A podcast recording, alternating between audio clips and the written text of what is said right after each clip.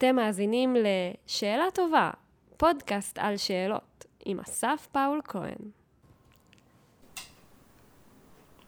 מגניב, אז אה, בחרת שאלה ארבע, שאלה ראשונה. אה, אם לא היית עובדת במה שאת עובדת עכשיו, במה היית עובדת? כן. זו שאלה, אפשר להתחכם גם? תמיד. כי אני באה מבית שלימדו אותו להסתדר עם מה שיש. אז uh, יש לזה יתרונות ויש לזה חסרונות. היתרונות זה שאתה uh, תמיד שמח במה שיש לך, שמח בחלקך, ואתה לא עסוק בחיפוש. אתה יודע, אנשים נחלקים לאלה שהם uh, תמיד בחיפוש, ואלה שכאילו טוב להם איפה שהם. אז אני טוב לי איפה שאני, בדרך כלל בחיים. ומצד שני, אני לא כך... Uh, לפני כמה שנים השתתפתי באיזה תהליך אימון, והמאמנת נתנה לי לכתוב חזון אישי לעוד 20 שנה.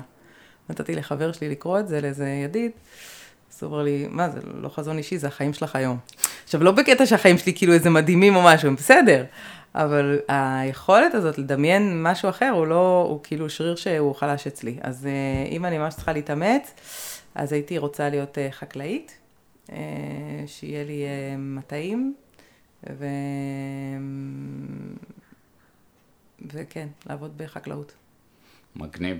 אני לא, לא, כל פעם נבצר ממני, אני כל פעם משדל אנשים אה, לבוא להעסיק אותי קצת כחקלאי, זה חלום אה, נשכח, אז אני מאוד מזדהה. 19, אה, יאללה, אני אלך על 19. וואו, איפה אתה מרגיש שבאמת רואים אותך?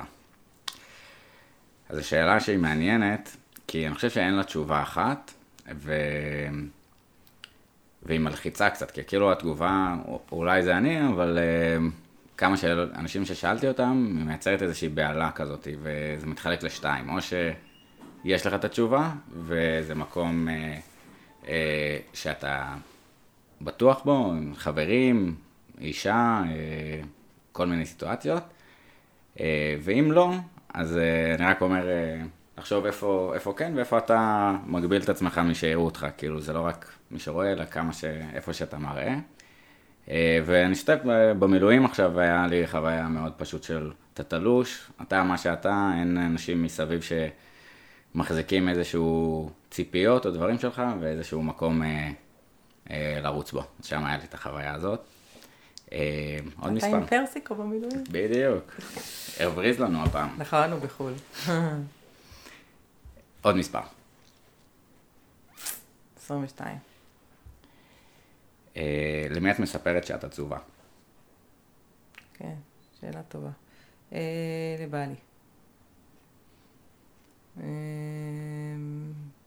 כאילו, לדעתי יש לו, אפרופו מי רואה אותי, זו השאלה שלך, זה יכולת, אני חושבת, החלה הכי גדולה, במובן שלא, תכף נדבר גם על הקשבה, אז הסיפור הזה שלא לרוץ לפתור לי, וכאילו רגע לאפשר לי להיות בתוך העצב. כאילו לקבל את זה ולדעת גם שזה לא, שאני לא מתמוטטת, שאני אהיה בסדר. אז כאילו, בן אדם שיכול להכיל עצב, אפשר לשתף אותו בעצב. נגיד, אימא שלי ישר נורא תדאג, וחברות שלי ינסו לעזור, ולא, כאילו, בעצב כזה שאתה רגע רוצה להיות בו. אה, אבל זה לא הרגש השכיח, נגיד, כאילו, זה עצב. יש אה, יותר, הרבה יותר שכיח, נגיד, אה, כעס או תסכול, או... Mm-hmm. או כאילו עלבון, דברים כאלה. כאילו הייתי מפרקת את זה. כי עצב זה ממש, אה, כאילו, מקושר אצלי לאובדן, או אתה יודע, לדברים כאילו... כן. קשים באמת של החיים, כזה. אולי ביטוי פשוט לפעמים של כעס, או של רגשות שלי מייצג כן. פרוטוטיפי של שאלה שלי. נכון. אני חושב שמה שיפה, שאני לוקח את זה גם בהקשר של שאלת שאלות, המקום הזה של פשוט להיות בשביל מישהו אחר, אה, ולא לקפוץ עם פתרונות, או... איזשהו בהלה מזה, אמ, בהקשר של השאלת שאלות, זה השקט אולי באיזשהו מקום. אה, כי כשאנחנו שואלים שאלה, בעיניי לפעמים שאלות טובות, הם, אין לנו תשובה. אנחנו צריכים את הרגע הזה, וזה רגע מלחיץ. אמ, ולהיות ביחד עם מישהו בשקט הזה, אה, זה גם איזשהו שריר אה, לתרגל, ולא לעזור ב, אוקיי, התכוונתי ככה וככה, או לתת דוגמאות, או ישר לעזור במצוקה הזאת, ש... קטע נחמד של סיינפלד ב-Two cars, Two comedians in a car getting coffee, אה, ששואלים אותו, אה, מתי אתה הכי שמח בחיים שלך? פתאום העיניים שלו מתרחבות והוא ככה לוקח לו שנייה, מתחיל לספר, והשני ישר גונב לו, ואומר, מה, זה היה עכשיו עליי, סוף סוף שאלו אותי שאלה שבחיים לא שאלו אותי, תן לי שנייה להיות איתה, זה ככה, התחושה הזאת. זה נחמד שאתה יודע לצטט מסיינפלד בגילך. כן, לא, זה סיינפלד, אה, הגרסה המחודשת, אבל אה, אה. חד משמעית סיינפלד, כן. 62.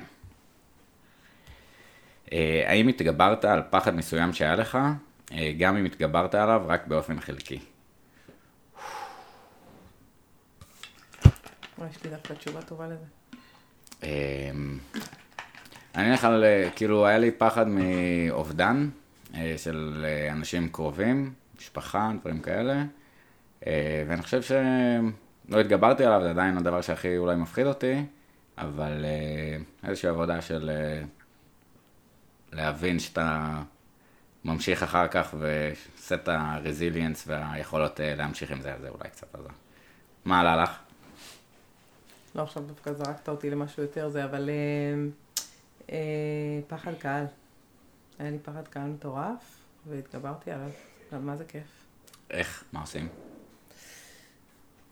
עשיתי טיפול בהצפה לעצמי. מעניין. הלכתי ללמד, בפתוחה, כשסיימתי, תואר, כשסיימתי תואר שני. כאילו, ו... אה, זהו, שבסמסטר ראשון כל שיעור אה, עשיתי, הייתי עושה פנים לפני, וכאילו ממש הייתי אה, זה, מתכוננת וכרטיסיות, וכאילו זהו, ואז אה, אחרי סמסטר זה...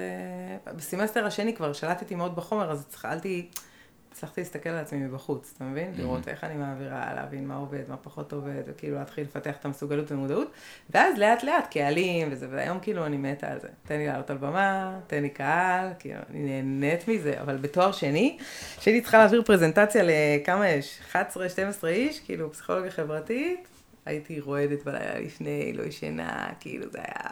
כן. זה היה נורא, נורא, נורא, נורא, וידעתי שבמקצוע שלי אני, זה יהיה חסם. זאת אומרת, יהיו מלא דברים שאני לא אוכל לעשות אם אני לא אתגבר על זה.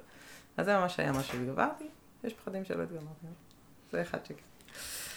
מגניב. טוב, כן. לפני שנתחיל באמת אני אגיד, הקטע של שאלה עולה, זה היה מגניב לראות כאילו שאלה שהייתה מופנית אליי, מה, מה הצורה. אה, אבל אה, כאילו זה כמו לקרוא, אנחנו לא יכולים לא להגיב לשאלה באיזשהו מקום, המוח לא נח אה, ומייצר עבורו איזה, איזה תשובה, באמת החוק היחיד במשחק הזה הוא אה, אה, שהראשון לענות זה מי שהגריל את השאלה. זאת אומרת, לתת לו את המקום, את השקט לענות תשובה אותנטית, ואז אחר כך המפגש בין העולמות הסובייקטיביים, הרשת נוירונים המיוחדת והייחודית של הבן אדם הזה ומה שהיא העלתה, המפגש ביניהם זה מה שיוצר את הדברים המגניבים. אה, טוב, אז אה, פרק אה, רביעי, פודקאסט שאלה טובה. היום אני גאה מאוד להציג את ליאת בסיס. ליאת עכשיו משמשת כראש מטה בארגון מעוז. ארגון מעוז, מי שלא מכיר, הוא מדהים, נדבר עליו עוד קצת בהמשך. אבל אה, ארגון מעוז פועל להגביר את האמון בין מנהיגים בישראל שמגיעים מקבוצות שונות ולעזור להם לקדם פתרונות לבעיות בתחומי החינוך, בריאות, תעסוקה ושלטון מקומי. אה, בתפקידה כראש מטה אחראית אה, שהארגון בעצם יפעל מול השותפים והעובדים ויפעל באופן מיטבי להשיג את המשימות שלו. הרבה תחומים, משאבי אנוש, ניהול סיכונים, בניית שותפויות, אחריות על פורום הניהול, תקשורת פנים ארגונית ועוד. אה, ליאת היא בעלת תואר שלישי מאוניברסיטת בר אילן, שם היא מרצה אה, קורס אה, על תהליכי מיון, שזכיתי להשתתף בו ואדיר. ומעבר לזה היא שטחנית בחסד ומנגנת בגיטרה. אז ליאת, ברוכה הבאה. תודה, תודה. אז כמו שהבנו, הפודקאסט עוסק בשאלת שאלות, ננסה לצאת לאיזשהו מסע, להבין ביחד מה הופך שאלה לשאלה טובה, איפה אנחנו יכולים להשתמש בשאלות מסוגים מסוימים, להשיג את המטרות שלנו, אה, וקצת לחדד את הכושר הזה של אה, שאלת שאלות. אז ננסה לייצר שיחה מגניבה, שנגדוב ממך כמה שיותר מידע. אז נתחיל אולי פתוח, כאילו, אוקיי, וואו, ראש מטה בארגון מעוז, כאילו, מה הביא אותך לפה? איך הגעת לזה? וואו, טוב, זה מסע שהייתי מחלקת אותו לשני חלקים. אחד, אה, הייתי עצמאית, 14 שנים. ועבדתי, הייתי נותנת שירותים לארגונים בתחומים של פיתוח מערכות מיון ותחומים של מדידה והערכה.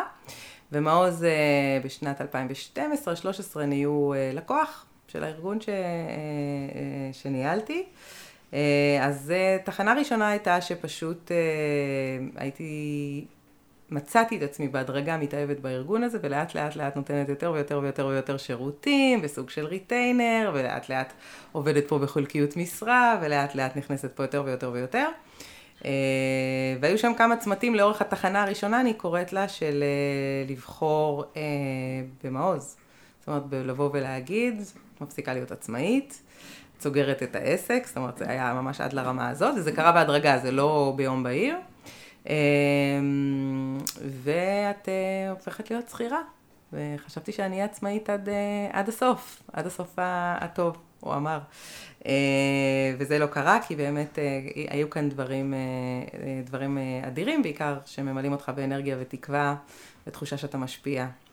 אז תחנה ראשונה הייתה בכלל לעבור לפה. אה, ותחנה שנייה הייתה בעצם לשנות את הדיסציפלינה המקצועית, שזאת לא הייתה התוכנית שלי, כי כבר עשרים שנה אני אה, באותם אה, שני תחומים שהזכרתי, שהם תחומים יישומיים של פסיכולוגיה ארגונית. ולפני חצי שנה, קצת יותר, הייתה הזדמנות בעצם לצמוח בתוך הארגון ולהפוך להיות ראש מטה. כשבשלב הראשון די היו בטוחים שאני אגיד לא, כי בסך הכל כן, יש, צברתי מומחיות מסוימת, עשיתי התמחות בתחומים שלי, יש לי דוקטורט בתחומים שלי, אמ, ו, ולקחת את זה, ופתאום להיות, אה, הבנות שלי קוראות לי אמ, המזכירה של המנכ"ל, אה, אז, אה, אז זה, אני חושבת שהסיבה שהסכמתי, וזאת התחנה השנייה, של איפה, איפה אני, איפה שאני היום, זה באמת רגע לפגוש אתגרים אחרים, ולהבין שיכול להיות שגם אם אני אחזור לדיסציפלינה המקצועית שלי, אז אני מפתחת שרירים ואונות שבמסגרת הדיסציפלינה היו לי כבר פחות הזדמנויות לפתח. אמ, וואו, תשובה ממש ארוכה לשאלה נורא קצרה. לא, מדהים, זה הפורמט, יש לנו זמן, באמת, מבחינתי קיצרת. מה שעלה לי, כאילו, א', אולי ניקח כמה צעדים אחורה לטובת המאזינים. מה זה אומר הדיסציפלינה? זאת אומרת, אמרת פסיכולוגיה ארגונית, אמרת מדידה והערכה, מערכי מיון, מה זה אומר אה, מומחיות בדבר הזה? אמ, אז אה, זה שני נושאים שונים. אז באופן כללי שניהם קשורים לארגונים, אה, כשבתהליכי מיון אה, כל ארגון בעצם בוחר את העובדים לארגון שלו, וכל אחד חושב שהוא יודע גם לעשות את זה, אבל המחקר מראה שפחות. כלומר, אינטואיציה היא עובדת, אבל עד גבול מאוד מאוד מוגבל, וכשאתה רוצה לבחור אנשים בצורה טובה, תקפה, אנשים שטוב להם ושמתאימים לתפקיד ומרוצים מהם אה, ואפקטיביים, אז אתה צריך לעשות תהליך שיטתי שיש לו אוסף של כללים, שיטות, תיאוריה, תורה. אה, אז עולם אחד זה עולם המיון. זה בעצם מאוד מאוד פשוט, זה לעזור לארגונים להבין איך הם בוחרים את העובדים בצורה הכי טובה, בצורה יעילה, בצורה מדויקת ובצורה הוגנת גם, שבעצם מאפשרת קבוצות שונות באוכלוסייה לקבל הזדמנות שווה בתהליכי המיון. אה, וזו פרקטיקה שלמה שיש בה גם אה, תהליכים של התמחות, אה, תחת הפסיכולוגיה התעסוקתית של איך לראיין ואיך לבנות כלי של ראיון, ויש סט של משהו כמו 15 כלים שפסיכולוגיה יודעת להציע באיך לבחור את האנשים, אז להכיר את הכלים ולדעת מתי להשתמש באיזה כלי ולבנות פרופיל, ולהתאים את תהליך המיון לפרופיל, וכל הנושא של קבלת החלטות. איך בסוף משקללים את המידע ומקבלים החלטה בצורה טובה את מי לבחור לעבודה. אז בעצם ללוות ארגונים בכל השלבים האלה, אם דרך סדנאות ואם דרך ייעוץ ואם דרך פיתוח. Mm-hmm. אז זה עולם אחד. הוא מגניב לאללה. אני מרגיש שהמאזינים אה, יתבאסו אם אה, נדלג אה, לפני שנתעמק בו קצת. אין בעיה. כי כאילו אני אומר, בתור, אם היה לי איזשהו עסק קטן או ארגון גדול והייתי צריך למיין עובדים, זה הרבה פעמים משהו שלא מכשירים אליו.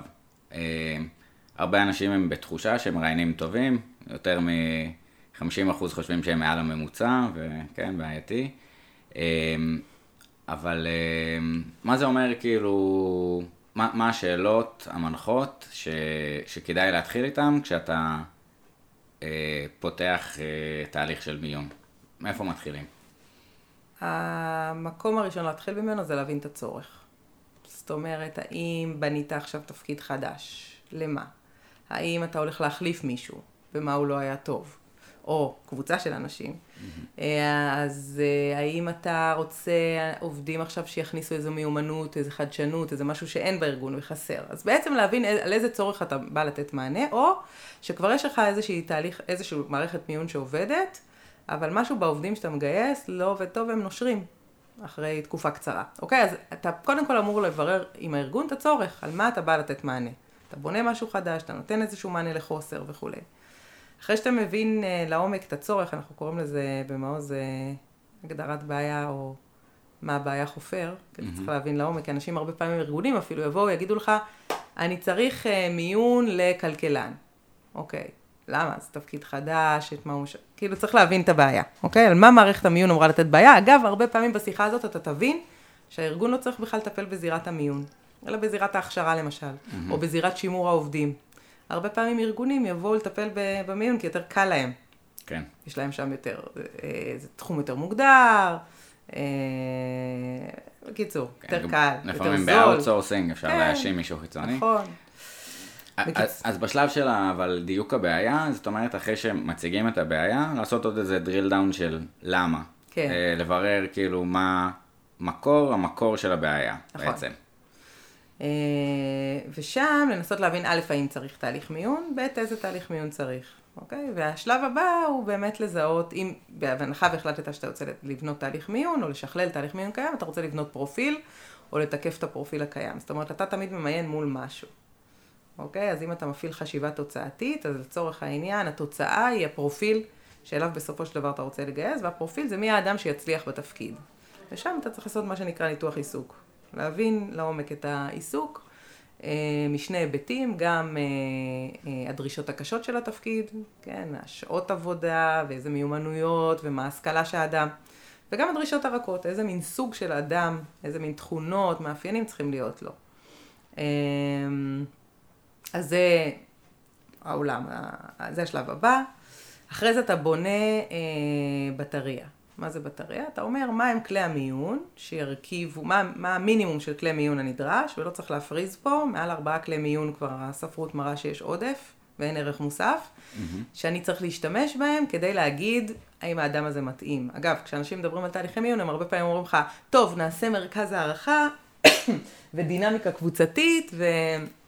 ואז אני אומרת, רגע, למה צריך דינמיקה קבוצתית? דינמיקה קבוצתית הרבה פעמים תתאים לתפקידים שדורשים מיומנויות בין אישיות מאוד מפותחות, או כישורי ניהול, אבל לתפקידים ביצועיים, הרבה פעמים היא, היא תהיה פחות, אה, יכולה להיות פחות רלוונטית, אוקיי? גם אפשר לסמלץ אה, דברים ביצועיים, אבל לא חייבים אז לעשות סימולציה, שזה כלי יחסית אה, שיש לו משמעויות ומשאבים. בקיצור, מה כלי המיון שאתה מתאים לתוך אותו פרופיל עיסוק? כמובן צריך או לרכוש כלים קיימים או לפתח את אותם הכלים, להכשיר את המעריכים שהולכים להשתמש באותם הכלים, אה, ולבנות מנגנון של קבלת החלטות. זאת אומרת, עכשיו כשיש לי את כל המידע, איך אני משקלל את המידע ומקבל את ההחלטות. אז אלה הם בעצם כל השלבים, כשמה שהרבה פעמים פסיכולוגים או אנשי משאבי אנוש לא אוהבים להתעסק איתו, והוא מאוד מאוד חשוב, זה כל ההיבט הלוגיסטי. Mm-hmm. בעצם תהליך מיון הוא קצת הנדסת תעשייה וניהול והפקה. אתה צריך גם לדאוג לחוויית המועמד. זה מתחיל מה... איזה מיילים אתה שולח לו ואיך הם מנוסחים וכמה יש שם פרסונליזציה והשולחן כיבוד ומה אתה מציע לו ואיך נראים הטפסים אה, וגם כל הארגון והשיטות. זאת אומרת, זה תהליך שבו המידע צריך לזרום בצורה חלקה ולהיות מתועד בצורה מסודרת וצריך להיות תהליך של הפקת לקחים. בקיצור, כל ההיבטים הלוגיסטיים, אושים, הם מאוד חשובים גם. אופרציה, מגניב, אבל אני חושב שבסוף הבניית uh, כלים וכמה תחנות שאמרת של לעצור ולשאול את עצמנו שאלות בתהליך קבלת החלטות ובכלל בתהליך המיון. Uh, חוויה אישית חוסך באמת המון בעיות לארגון, אז ככה, באמת איזו המלצה לנסות לקחת, להבין אם אתם צריכים מזכירה או עוזר מנכ"ל, מה, מה הדברים שהוא צריך, מה התרבות הארגונית שמשקפת, ו, ואחר כך לאור הפרופיל, לאור הדמות שאנחנו רוצים, הסימון במטרה, אה, להבין איך אנחנו בעצם מבדילים בין, אה, בין אדם לבין אדם באיכויות השונות שהיינו רוצים אה, להעריך. ואוקיי, הרבה פעמים בתהליכי מיון אנחנו רגילים למופע המרכזי, שהוא או יכול להיות הקורות חיים, שאפשר לדבר עליהם ככה בהקשר של הדוקטורט שלך, או אה, הראיון. אה, אז אולי נתחיל מאיך את יודעת ששאלת שאלה טובה בראיון. כן, אז קודם כל, אה, אני אגיד שבחיים שלי יש שאלות משלושה סוגים. יש שאלות, קודם כל שני סוגים, בסדר? קודם כל שאלות פונקציונליות ושאלות לא פונקציונליות. כלומר, שאלות שאני נגיד, ואתה, לפני שהתחלנו את השיחה, התחלנו סתם לדבר, לשאול אחד את השני, להתעדכן, מה קורה. זה שאלות שאני לא, חוש... לא מפעילה חשיבה על, ה... על האופן שבו אני שואלת אותן. לא חושבת עליהן. אני פשוט שואלת אותן באופן חופשי, ספונטני. שאלות פונקציונליות, שם אני מחלקת את זה לשני סוגים, אה, שהם בחיים שלי, בסדר? אני שואלת שאלות לצורך מיון, שעליהם כרגע אתה שואל אותי, ותכף אני אענה, ושאלות לצורך מחקר. אוקיי? אז שאלות לצורך מחקר, ההבדל העיקרי, ובכך זה גם עוזר לי לאפיין את השאלות של המיון, זה שהן שאלות אה, שמטרתן בסוף לא לשפוט, אוקיי? כן לעשות אינטגרציה, כן ללמוד על תופעה, אבל לבוא יחסית אה, טאבולה ראסה ולהגיד, וואלה, אני רוצה עכשיו ללמוד על עולם התחבורה בישראל, ומי השחקנים המשפיעים על עולם התחבורה בישראל. אז אני הולכת, אני לומדת, אני שואלת כל מיני אנשים כמה שאלות על הדבר הזה, וחוזרת ועושה איזשהו, איזושהי אינטגרציה. אז במיון, אני רוצה עכשיו לראיין אותך, לצורך העניין לתפקיד מסוים, אני אשאל אותך כמה שאלות. אחרי שאני אשאל אותך את השאלות האלה, אני צריכה לקבל עליך החלטה, להמליץ עליך המלצה. כלומר, השאלות האלה לא אמורות להיות שיפוטיות כשאני שואלת אותן, אבל בסופו של דבר בהחלט אמורות לעזור לי לייצר שיפוט לגביך. Mm-hmm. שוב, שיפוט לא כמו שאומרים שיפוטיות, נכון שזה דבר שלילי, ואולי תכף נדבר עליו אה, באמת כדבר שהוא מפריע לאותנטיות וכנות וכולי, אבל בהחלט שיפוטיות שעוזרת לקבל החלטה. כי בסוף אני לא אומרת, אה, ah, זה מפת השחקנים של התחבורה בישראל, אלא אני אומרת, אסף הוא אה, אסרטיבי יתר על המידה, ולכן הוא לא מתאים לתפקיד הזה שבו אה, נדרשת איזה, אה, נדרשות מיומנויות אחרות, נכון? ולכן, אה, קודם כל מיון, הראיונות לצורכי מיון הם ראיונות שבסופם אתה נדרש לעשות שיפוט. ולכן הם תוצאתיים, אבל גם ראיון מחקר הוא תוצאתי, אבל הם אה, גם אמורים לעזור לך לאסוף מידע כדי לקבל החלטה. אני לא בטוח שהם... זה מצב טריקי, דרך אגב, מול האדם שמולך. Mm-hmm. כי בראיון מחקר, לצורך העניין אתה ניטרלי, נכון? אתה בא, בן אדם נותן את המידע, אתה אוסף את המידע. שוב, הוא יכול להגיד לך בזה אני לא רוצה שתשתמש, בזה אני כן רוצה שתשתמש וכולי, אבל יש חוזה מאוד ברור של off the record, on the record, והוא ידבר חופשי. בסיטואציה של ראיון, בגלל שאתה יודע שבסופו של דבר אני אמורה לקבל עליך החלטה, או להמליץ עליך המלצה, אז אתה יכול להחליט שאתה חושף בפניי רק דברים מאוד מסוימים. ואז אנחנו כבר נכנסים לרמת מורכבות.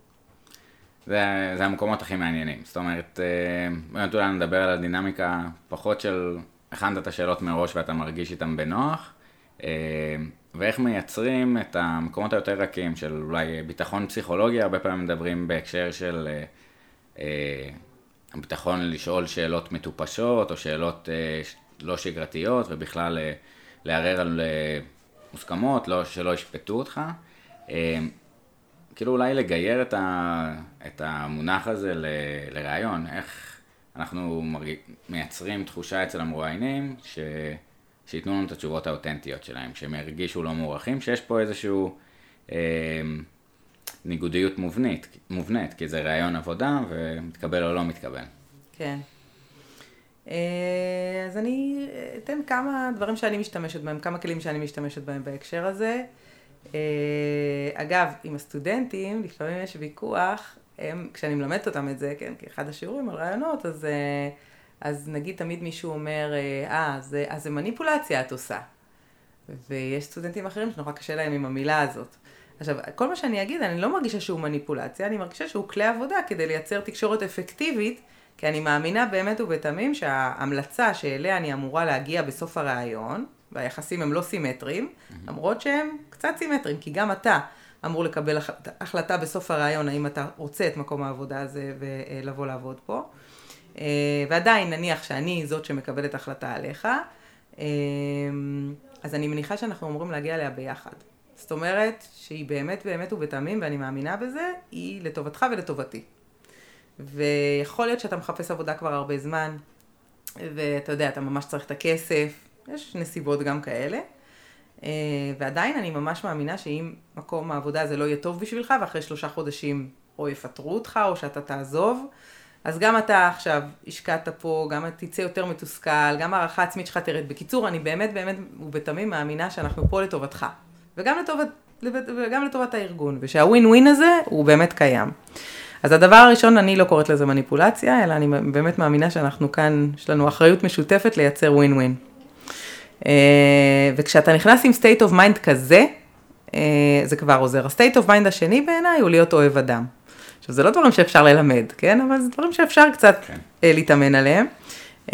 אני חושבת שלהיות אוהב אדם במובן שלא משנה מי יושב מולך, וגם אם בשתי דקות הראשונות, כן, הרושם הראשוני אומר לך, וואלה, חבל על הזמן ברעיון הזה, כמובן שאתה אמור להתעלות על הרושם הזה ולנסות לייצר כמה שיותר מידע שאולי יעזור לך לשנות אותו, אה, אז בסופו של דבר, אה, אתה רוצה לראות ש... שכחתי את ההתחלה. אה, אוהב אדם, איך, איך לייצר שיחה נכון, אתה רוצה לראות שהבן אדם מרגיש שאתה מכבד אותו, ואני חושבת שגם ה-state of mind הזה, הוא מאוד עוזר לייצר את אותה אותנטיות שאתה רוצה לייצר ב, בתוך הרעיון. אז זה כאילו יותר איך אתה נכנס לרעיון. עכשיו בוא נדבר על כלים יותר פרקטיים. בסדר? כי זה... אני רק רוצה לשים מדגיש על זה, אני חושב שזה מדהים, ההבנה הזאת של, אה, אני קורא לזה רעיון הדדי, אה, ובאמת להבין את ה... גם דינמיקה של, אני יותר באמת בייעוץ של אנשים שבאים להתראיין, אה, לבוא ולהבין ואיזה שאלות אתה שואל גם אחר כך אתה מראיין כדי להבין את המיקום שלך ואם זה החברה שאתה רוצה, אבל מתוך שיח שהוא יותר שוויוני אתה מצליח לאסוף יותר מידע אה, וגם ההתנהלות היא יותר, אה, יותר נחמדה. נכון, יותר, חופשי, יותר חופשית וכולי. אה, אז, אז כמה דברים. א', הדבר הכי לכאורה טריוויאלי זה לשאול שאלות ברורות. הרבה פעמים אנחנו שואלים שאלות ארוכות מדי, או שאלות אה, אה, לא ברורות, אה, ואז מאוד קשה לאנשים להבין מה רצינו. אז לא צריך להתחכם יותר מדי, וצריך לשאול שאלות פשוטות ומאוד ברורות.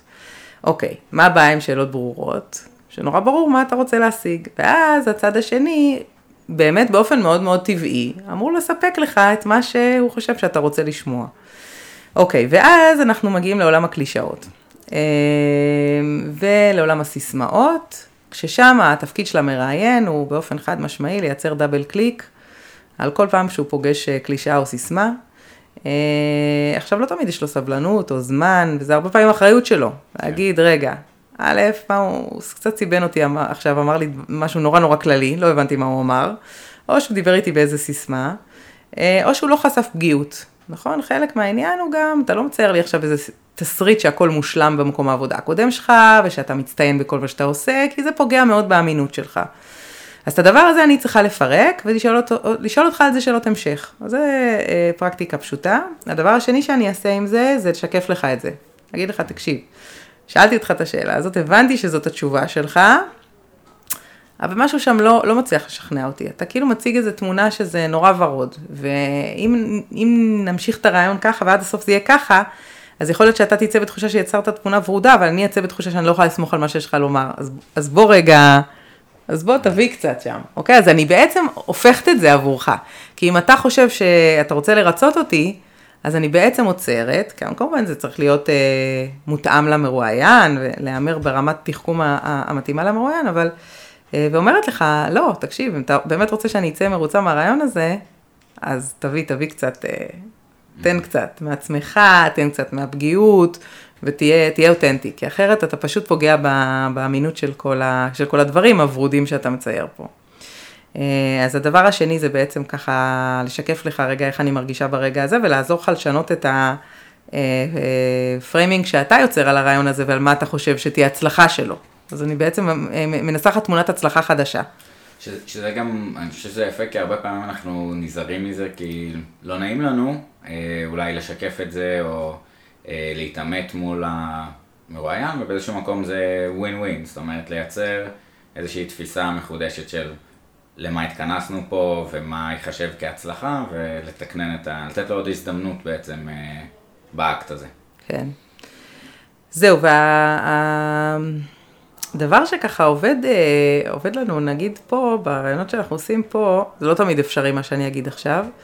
יש משהו, כשאתה מתראיין מול כמה אנשים, ולא מול בן אדם אחד, אנשים יותר קשה להם, אה, זה כאילו נשמע הפוך על הפוך. נכון? זה נשמע שברעיון אחד על אחד, אתה יותר תיפתח ויותר תביא את עצמך, והרבה פעמים זה כן ככה. אם מראיין טוב הצליח לייצר אווירה טובה, אווירה שבה אפשר לסמוך עליו, אווירה שבה באמת המרואיין מרגיש שהמראיין הוא לטובתו, אז אחד על אחד זה מעולה. אבל הרבה מראיינים חסרים את המיומנות הזאת, ואז אחת הדרכים זה לייצר איזה מיני ועדת קבלה. זו סיטואציה די מלחיצה עבור מרואיין, ולא תמיד היא כלכלית וכולי, אבל לתפקידים יותר בכירים, או יותר הייסטייק uh, בארגון, uh, לאנשים יותר קשה, הסיטואציה יותר מלחיצה, והרבה פעמים הם, uh, הם לא ישקרו, כי הם גם מרגישים, ש... או יזייפו, כי נגיד אם אני שואלת אותך איפה אתה רוצה להיות, איפה אתה רואה את עצמך בעוד שלוש שנים, או חמש שנים, זו שאלה שהרבה פעמים שואלים. ואז יש נטייה בשאלות מהסוג הזה לתת איזו תשובה מאוד שבלונית, מאוד מה שאני רוצה לשמוע. דמיין לעצמך שיושבים מולך עכשיו שישה אנשים, בסדר? עכשיו אתה אומר להם איזו תשובה מחורטטת כלשהי, שאתה לא עומד מאחוריה, נגיד אתה אומר אני רוצה להיות מנכ"ל משרד ממשלתי, אבל אתה לא באמת רוצה, ועוד שבוע אתה עובר ואתה הולך לאיזה תפקיד אחר לגמרי, בסדר?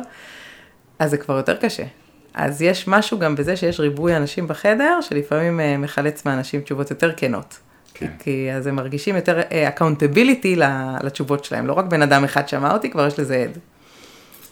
כן, זה מעניין, גם העומס הרגשי, העומס הקוגניטיבי של להכיל את זה, אתה, יהיה לך קשה לעטוף את הסיפור אה, שאתה מספר ממספיק כיוונים כדי לכסות מכל כן. האנשים, אז אתה הולך על האמת שלך. מצד אחד, מצד שני, אתה גם עשוי להיות יותר הגנתי. אז אני אומרת, בוואן און וואן, אם הצלחת לייצר יחסים, יש לזה, יש לזה יתרון. ובשאלות שיש להן תשובות אה, די מוגדרות, כמו איפה אתה, איפה אתה רואה את עצמך עוד חמש שנים, יש יתרון גם לקבוצה. אז כאילו קצת תקפנו את זה מאיפה איפה אנחנו מזהים שאלה טובה, אולי לפעמים קל לקחת צעד אחורה לטעויות, טעויות יותר קל לנו לזהות, שאלות שהן לא טובות, אז התחלנו באמת אה, שאלות שהן עמומות, או שהן, אה, יש ביניהן כמה שאלות, אני אספר תוך כדי איזה סיפור. אה, היה ככה כתב באי ספו, אי אה, כזה ערוץ ה... נו, אופנה, תרבות. אה, שאל את ריין גוסלינג, יש לי ככה, מה אתה אומר על התפקיד החדש שלך, איך הוא התפתחות בקריירה שלך, ואם היית יכול לתת טיפ אחד לקריין חדש כמוני, מה הוא היה? הוא אמר לו, לא, לא, אל תעשה את מה שעשית. תשאל שאלה אחת, תקבל תשובה אחת, תשאל שתי שאלות, לא תקבל אף תשובה. אז uh, הרבה פעמים אנחנו מנסחים תוך כדי כמה שאלות וזורקים כמה גלגלי עזר, uh, ובאמת המרואיינים או האיש שיחה לא יודע איזה גלגל עזר ראשון uh, לגשת עליו ומאיפה לתקוף. אז uh, זה ככה אולי איזה משהו לא לעשות. אז זה מעולה. אה, זה אחלה, אה, זה באמת מאוד מקשה על אנשים, כששואלים כמה שאלות, הם לא יודעים מאיפה לגשת לזה, וגם לא זוכרים הרבה פעמים את ההתחלה. אה, אז אני אתן כאן כמה, כמה המלצות, שאגב, הן רלוונטיות גם במיון וגם בשאלות לצורכי מחקר. ואני אספר שככה, ממש לפני כחודשיים, יצא לי להיות עם קבוצה של אנשים בירוחם, ועמדנו לראיין את ראש המועצה, טל אוחנה. היא עמדה להיכנס לחדר, והיינו קבוצה של איזה 20 איש, ורצינו להציג לה אוסף של שאלות. ואמרנו, רגע לפני שהיא תיכנס, ננסה לנסח מחוון לשאלה טובה. אז אני ככה ממש חוזרת לדברים שניסחנו ביחד, ו... ומצטטת אה, מתוכם. אז קודם כל, מה שאמרת לגמרי הופיע פה, הסיפור של כמה שאלות בשאלה אחת. זה כבר אה, אה, נאמר. הדבר הנוסף, הרבה פעמים פגשנו את זה פה בוועדות קבלה, במעוז, אה, זה שאנשים שואלים שאלות ארוכות מדי. אוקיי? הרבה פעמים אנשים אה, אה, אוהבים גם לדבר על עצמם, וגם אוהבים לשמוע את עצמם לפעמים יותר משהם אוהבים להקשיב, ולפעמים גם יש להם קושי בניסוח. ואז יוצאות שאלות מאוד מאוד ארוכות, עם, עם הקדמות וכולי. בסוף, בסוף השאלה בן אדם גם הלך לאיבוד וגם לא זוכר מה שאלת אותו.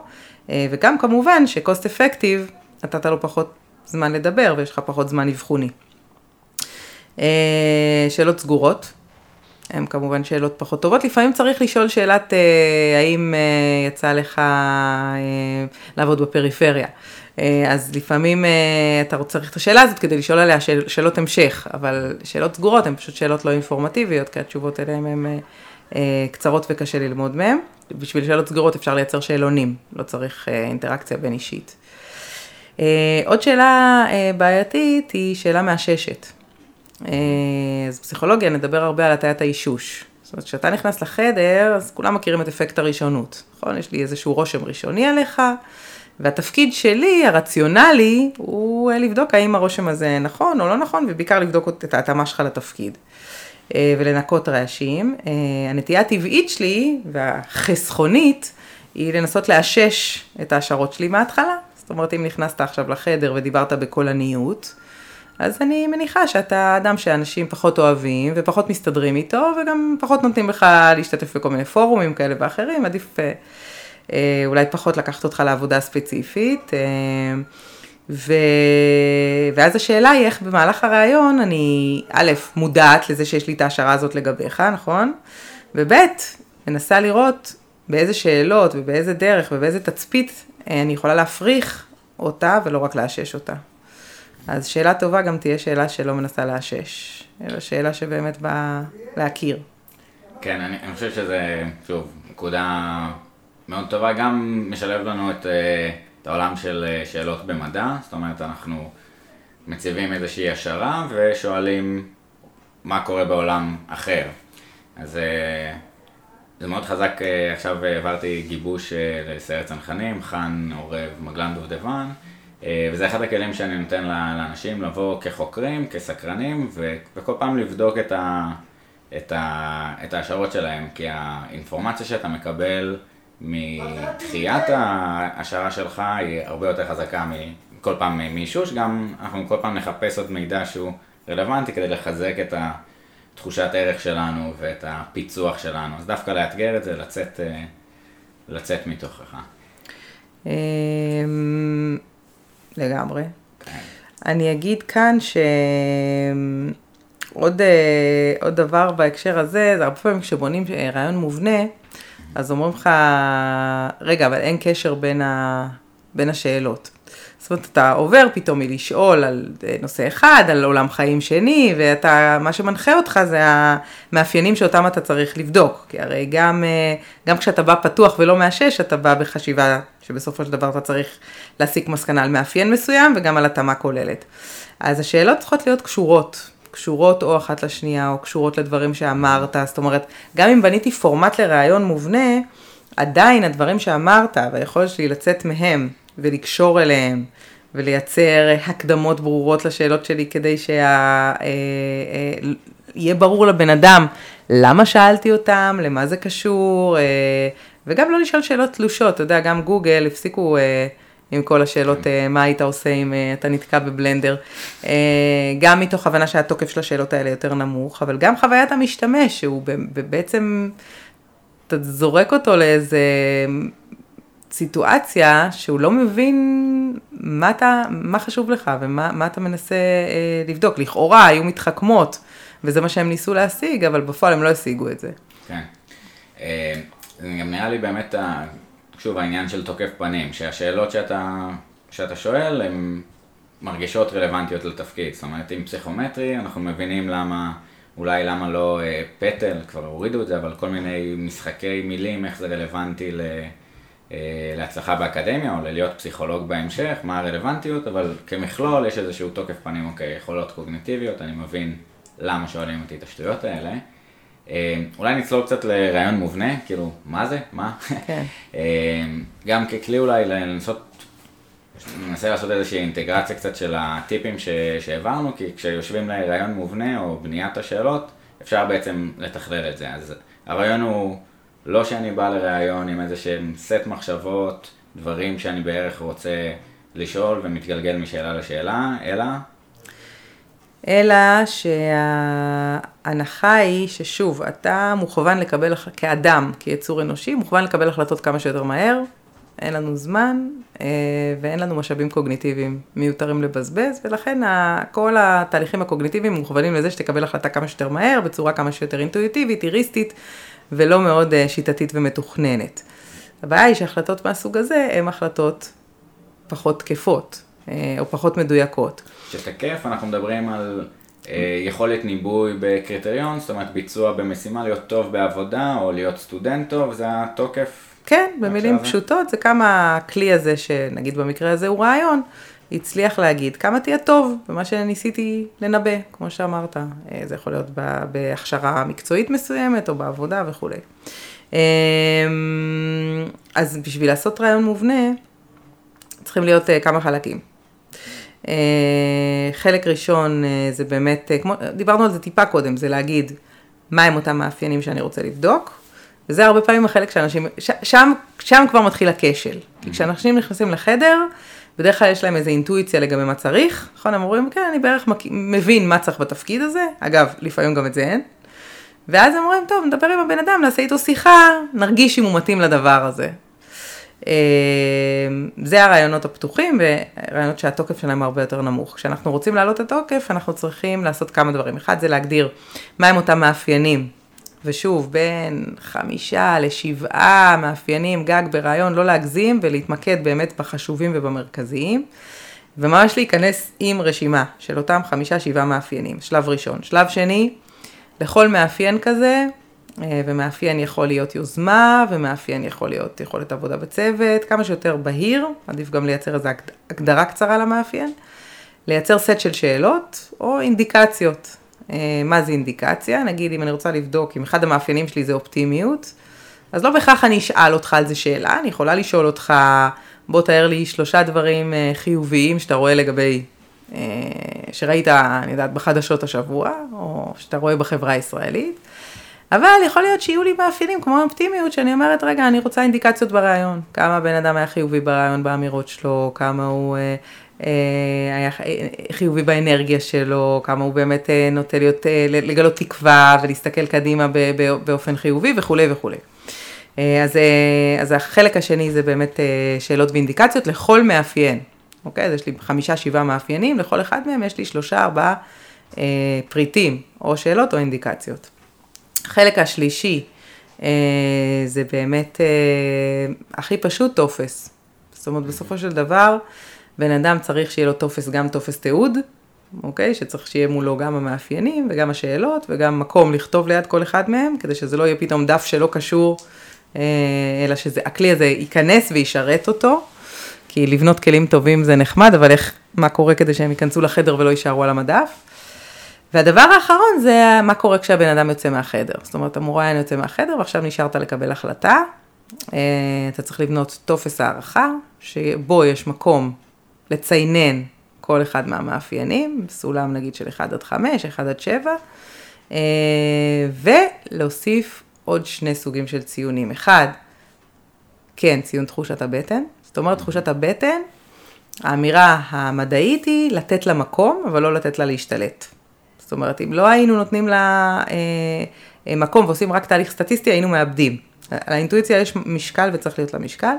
צריך להכניס אותה כמו יתר המאפיינים, אז היה לך יוזמה ויחסי אנוש ואסרטיביות וציון תחושת בטן. צריכות תחושת הבטן, ציון ההתאמה הכללית של הבן אדם לתפקיד, ובסוף גם ציון מסכם, שהציון המסכם כבר אמור להיות איזשהו שקלול סטטיסטי של כלל המאפיינים והאינטואיציה. אז ככה בעצם צריך להיות בנוי טופס הערכה, אפשר לתת שם מקום מילולי לחוזקות ולהסתייגויות שיש מהאדם, כי לפעמים צריך את המידע הזה גם אחר כך, אם נותנים לו משוב, וגם לצורך קבלת החלטות אם יש כמה מועמדים. אמ, וזהו. וואו, מלא דברים. בעצם... ארבעה שלבים אבל. פרופיל, שאלות, אה, טופס תיעוד וטופס אה, אינטגרציה והערכה. אה, אני חושב שגם בחוויה שלי מה שהיה מדהים, אגב תודה על הכלי ועל החשיבה הזאת שנתת לנו, שלהעביר את זה עם ארגונים הרבה פעמים מעבר לייעול וה...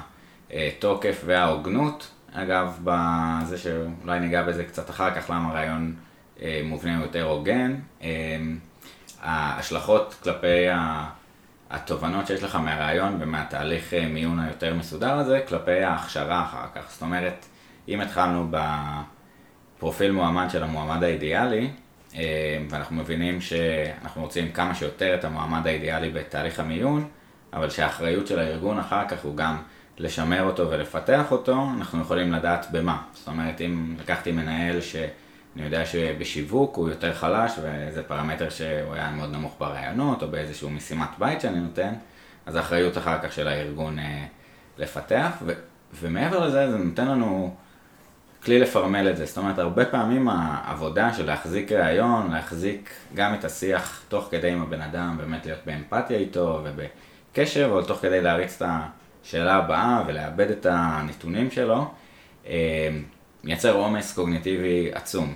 ובאיזשהו פרמול וחידוד של השאלות מאפשר לנו, שוב, להימנע משאלות שהן ארוכות מדי, או כמה שאלות בו זמנית, יש לך את האופציות, אתה יכול לשלוף את האופציה שמתאימה עכשיו ולראות uh, גם השוואה מול uh, מוריינים אחרים. זאת אומרת, uh, אה, מורכבות תשובה ומורכבות אה, עולם פנימי או דרך שהם ניגשים אל מול מרואיינים אחרים, כי השאלה היא זהה בעצם. ואני אה, מוסיף אולי לרשימת שאלות הטובות, שאלות שבצד אחד של הספקטרום זה באמת הכן-לא, שונות מאוד נמוכה, לשאלות שמאפשרות שונות מאוד גדולה ועולם כן. אסוציאטיבי. בוא נדבר על, ספר לי קצת על עצמך.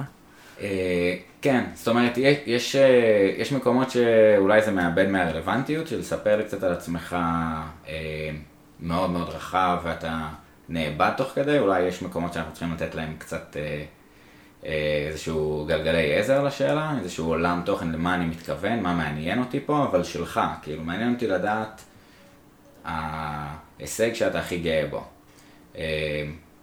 אירוע מוגדר, אירוע ברור, אבל ההתייחסות היא מאוד שונה, והבחירה של בן אדם מעולם אסוציאציות ועולם החוויות שלו אה, מאוד מאוד מלמדת. משהו שמעניין אותי לשאול אותך, זה שימוש בשאלת שאלות בתהליכי מיון.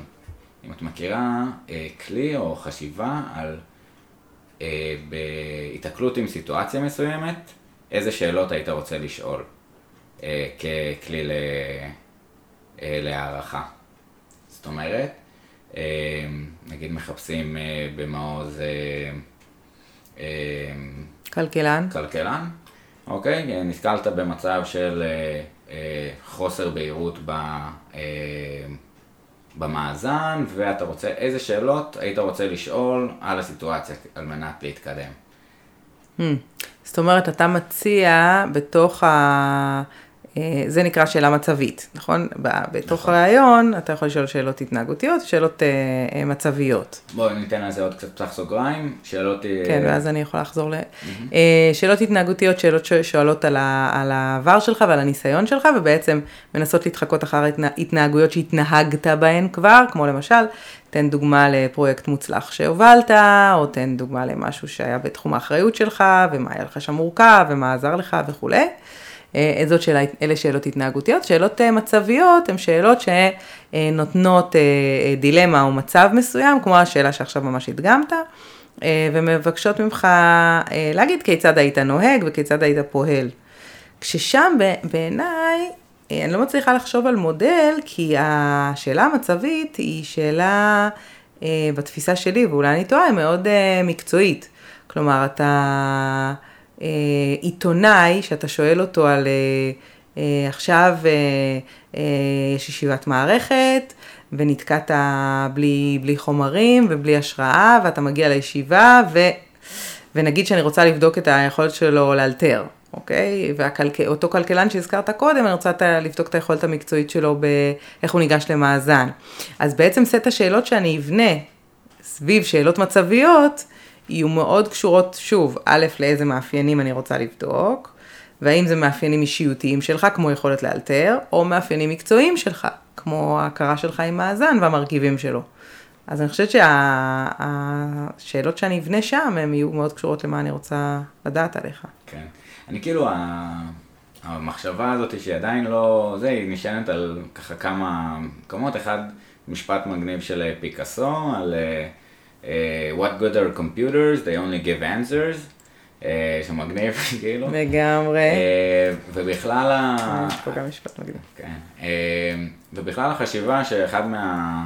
יש איזה סקר של גלופ על soft skills הכי נדרשים בעולם העבודה. עלק. ו...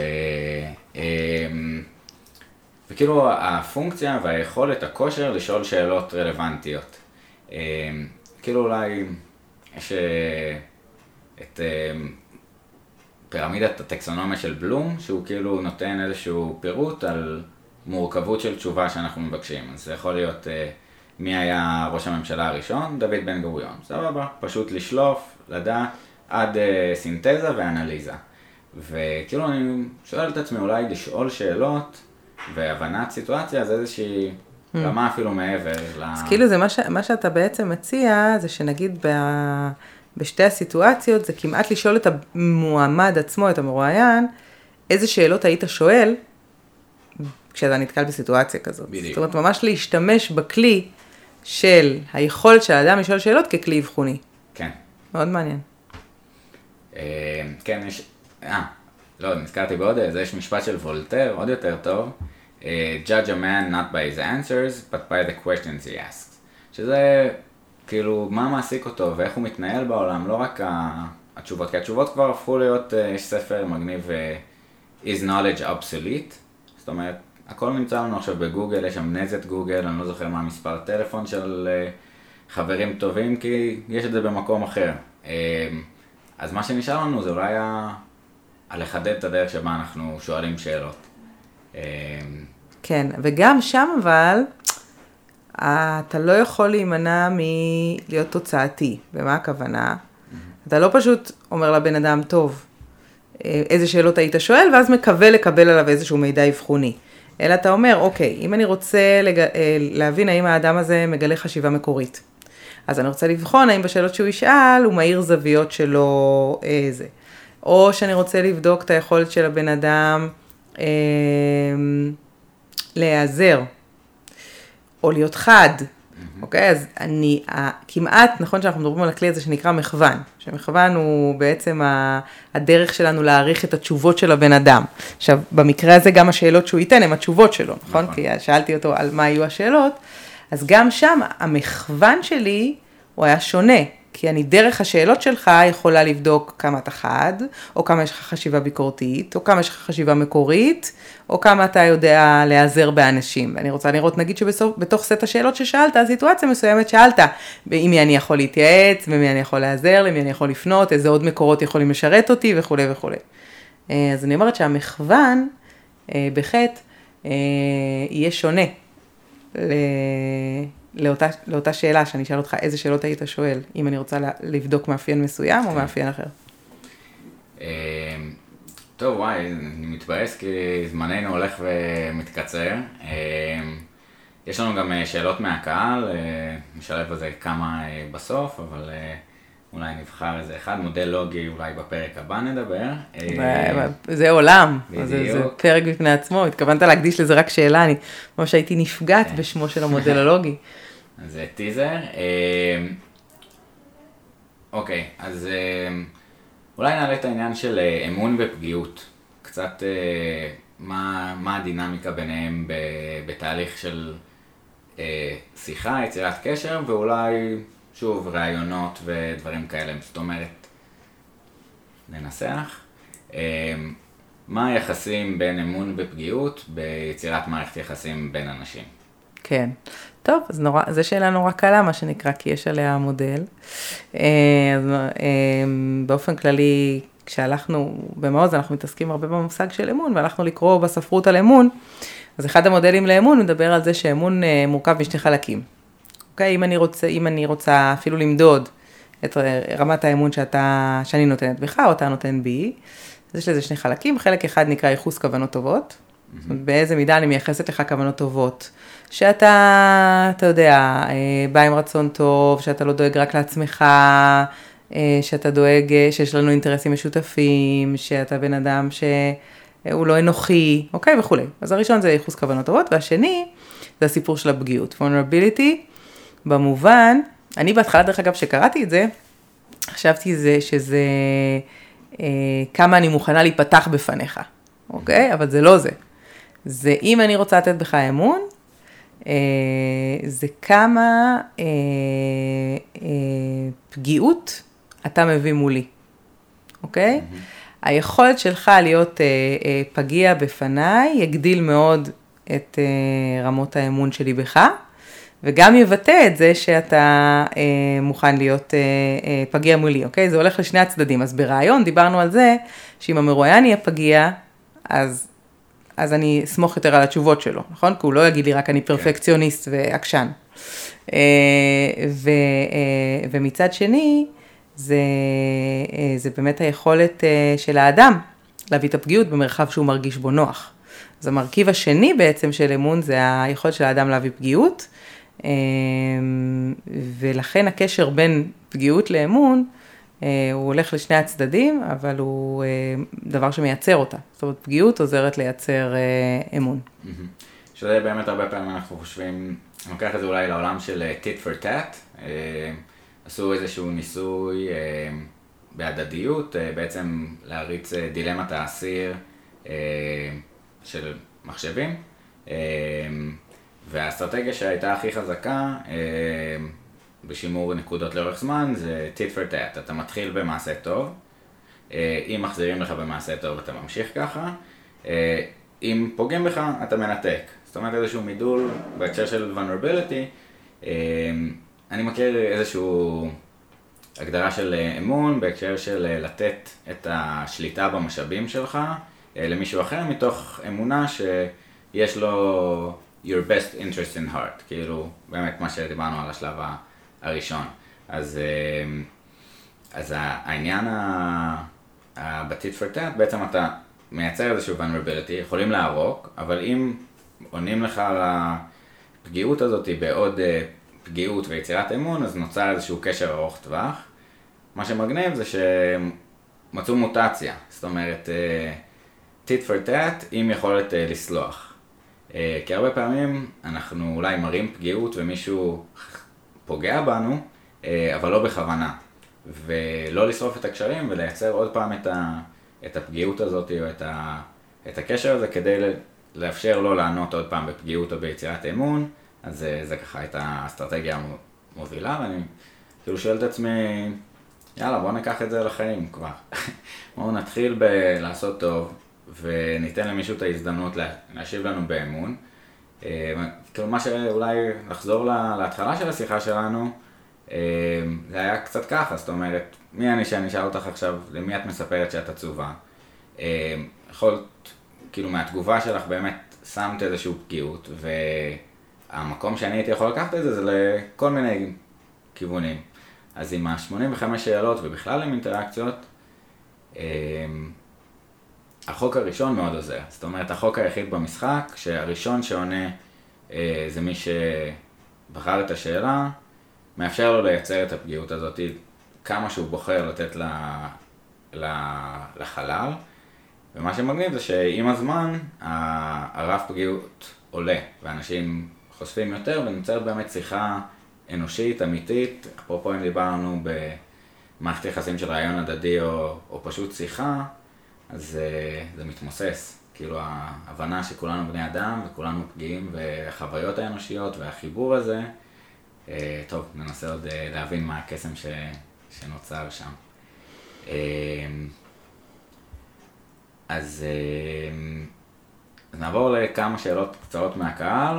נעטוף, אה, ודרישת הציבור אני חושב שתהיה לעוד פרק, אז אני אתן לכם אה, המאזינים עוד הזדמנות אה, לשאול את ליאת שאלות, ובעזרת השם נצליח לגייס אותה לעוד ש... עוד פעם. אז לינור שאלה, איזה שאלה את הכי אוהבת לשאול בראיונות? כן. הייתי צריך לשאול את הצוות שלי, הם בדרך כלל, הם, הייתה להם פה, הייתי קודם מנהלת המיון, אז הייתה נטייה לעשות חיקויים שלי. אמ, מה אני אוהבת מאוד לשאול ברעיונות? אני, דרך אגב, יותר מ"יש לי שאלה שאני אוהבת לשאול ברעיונות", בוועדות קבלה, שבאמת יושבים איתי עוד איזה שמונה אנשים בחדר, יש לי נטייה להעתיק, לא, מה זה להעתיק? ל- לרשום לעצמי שאלות טובות שהיו.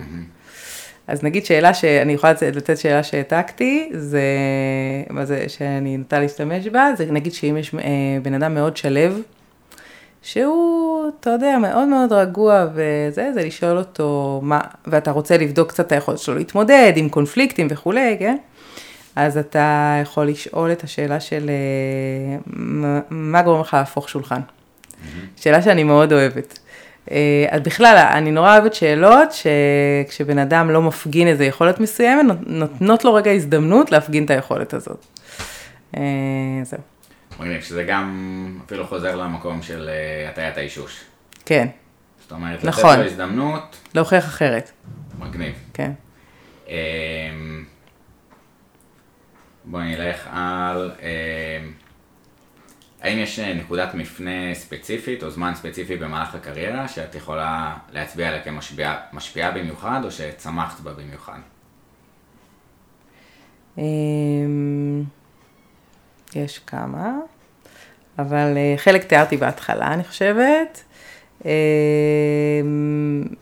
וואי, לבחור אחת זה קשה, אבל נלך על זה. אה, בעצם כשהייתי... אה, הייתי שכירה כמה שנים,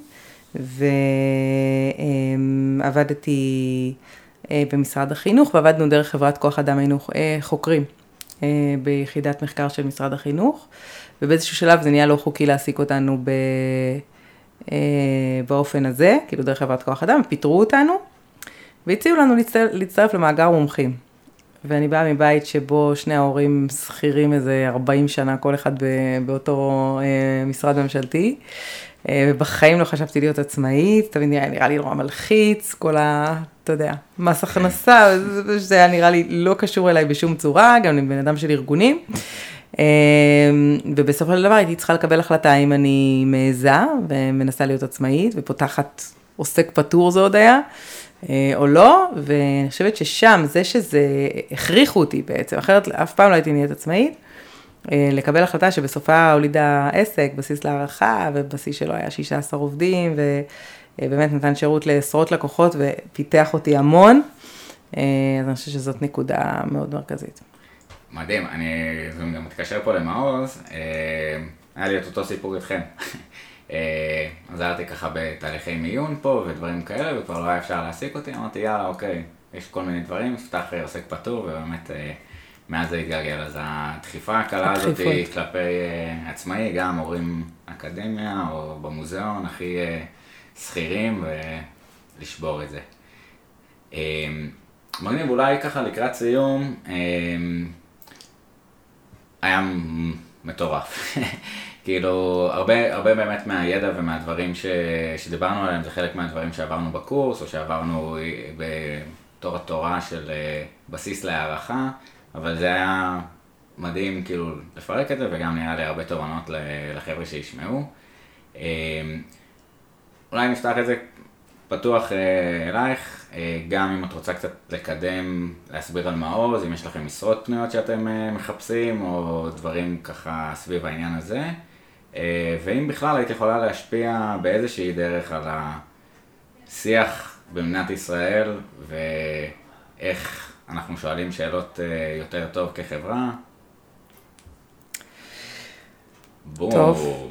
נתתי לא, שתי לא, שאלות. לא תכננתי, לא תכננתי, נתת שלוש. אה, לא תכננתי לקדם שום דבר. מעוז זה ארגון מדהים שבאמת גם מפתח מנהיגים וגם שם אותם ביחד ברשת וגם אה, פועל לייצר אמון, כי הוא מאמין שזו תשתית אה, הכרחית גם ל-well-being של האזרחים במדינה וגם כדי לקדם תהליכי שינוי. אה, והוא גם מאיץ ומלווה תהליכי שינוי. אז אני ממליצה להיכנס, לקרוא וללמוד על הארגון, כי הוא, הוא באמת אה, אה, מעניין. אחרי. ויש גם כמה משרות פנויות, אבל אני לא זוכרת אותן, אז זה כאילו באתר. מעולה. אה, אז שווה, שווה, שווה לבוא לעבוד פה. נשים לינק, בהחלט אה, ובעיקר אם אתם אה, קבוצות מגוונות, אנחנו מחפשים אתכם. אה, אני לא יודעת אם זה קל למאזינים. אה, והשאלה השנייה ששאלת, השלישית, אה, מה זה? כאילו... הנה, זה מה שקורה, הדגמנו את זה עכשיו. לגמרי. אה, ההמלצות שיש לי על שאלות, כאילו מה, איך הייתי מסכמת? כאילו, אני אומר, באיזשהו מקום אני אגיד את הרצף אה, שלי. אני רוצה בסוף לפתוח באמת למה שבא לך. אבל אני אומר, עם בסיס להערכה, היה אימפקט מאוד מאוד גדול על הדרך שבה הרבה גופים עובדים, חושבים, מתנהלים. ובלי האופרציה הזאת, בכמה משפטים, איזה טוב את חושבת שכדאי להפיץ, או הדרך שבה אנחנו מתקשרים, שואלים שאלות. כן, אז אני חושבת שזה פשוט לחזור על מסר שאמרתי קודם, אני חושבת שלשאול שאלות זה דבר שני טכניקה, והדבר ראשון state of mind, וצריך אה, לשאול שאלות באהבה, ואני מזכירה עוד פעם את אהבת אדם, וגם את הרצון לייצר ווין ווין במובן העמוק של המילה ולא לא במובן הפונקציונלי, אלא באמת לראות את טובת האדם אה, לנגד עיניך, מתוך הבנה אמיתית שבשביל שיהיה לך טוב, אתה תלוי בזה שיהיה לא טוב, וזה one cannot go without the other. אז אני חושבת ששני הדברים האלה הם אה, state of mind, ואחר כך יש את הטכניקות ואת כל הטיפים שחלקם הזכרנו פה, וחלקם אתה יודע יותר טוב ממני. אה, ואם אתה נכנס ככה לחדר, אה, אז זה הכרחי, והדבר השני זה הסיפור של הקשבה. כשאתה שואל שאלות, אתה הרבה פעמים מתאהב בלשאול את השאלה החכמה בחדר, ואתה שוכח שאחרי ששואלים שאלה צריך גם להקשיב. אה, אז הקשבה צריכה להיות הקשבה אמפתית, אה, שהיא לא שיפוטית והיא לא הקשבת פתרון, והיא גם לא הקשבה מייעצת, אלא היא באמת מאפשרת לאדם לתת את התשובות שלו, אה, ואתה צריך להקשיב להם במלואן, דבר שאני גם צריכה להתאמן בו, כי אני תמיד קוטעת אנשים. אז היכולת לשאול שאלות טובות זה גם היכולת להיות מוכן להקשיב לתשובות. מעולה, איזה כיף, תודה רבה. אז אה, תודה. את כל הלינקים נשים אה, בפרק, מוזמנים להצטרף לקבוצה של אה, שאלה טובה, תוכלו שם לשאול שאלות למרואיינים הבאים, אני אפרסם כל כמה זמן מי המרואיין הבא שתוכלו, יש שם גם עוד כל מיני כתבות ופיצ'רים מגניבים. איזה כיף, תודה רבה, פרק 4, ביי.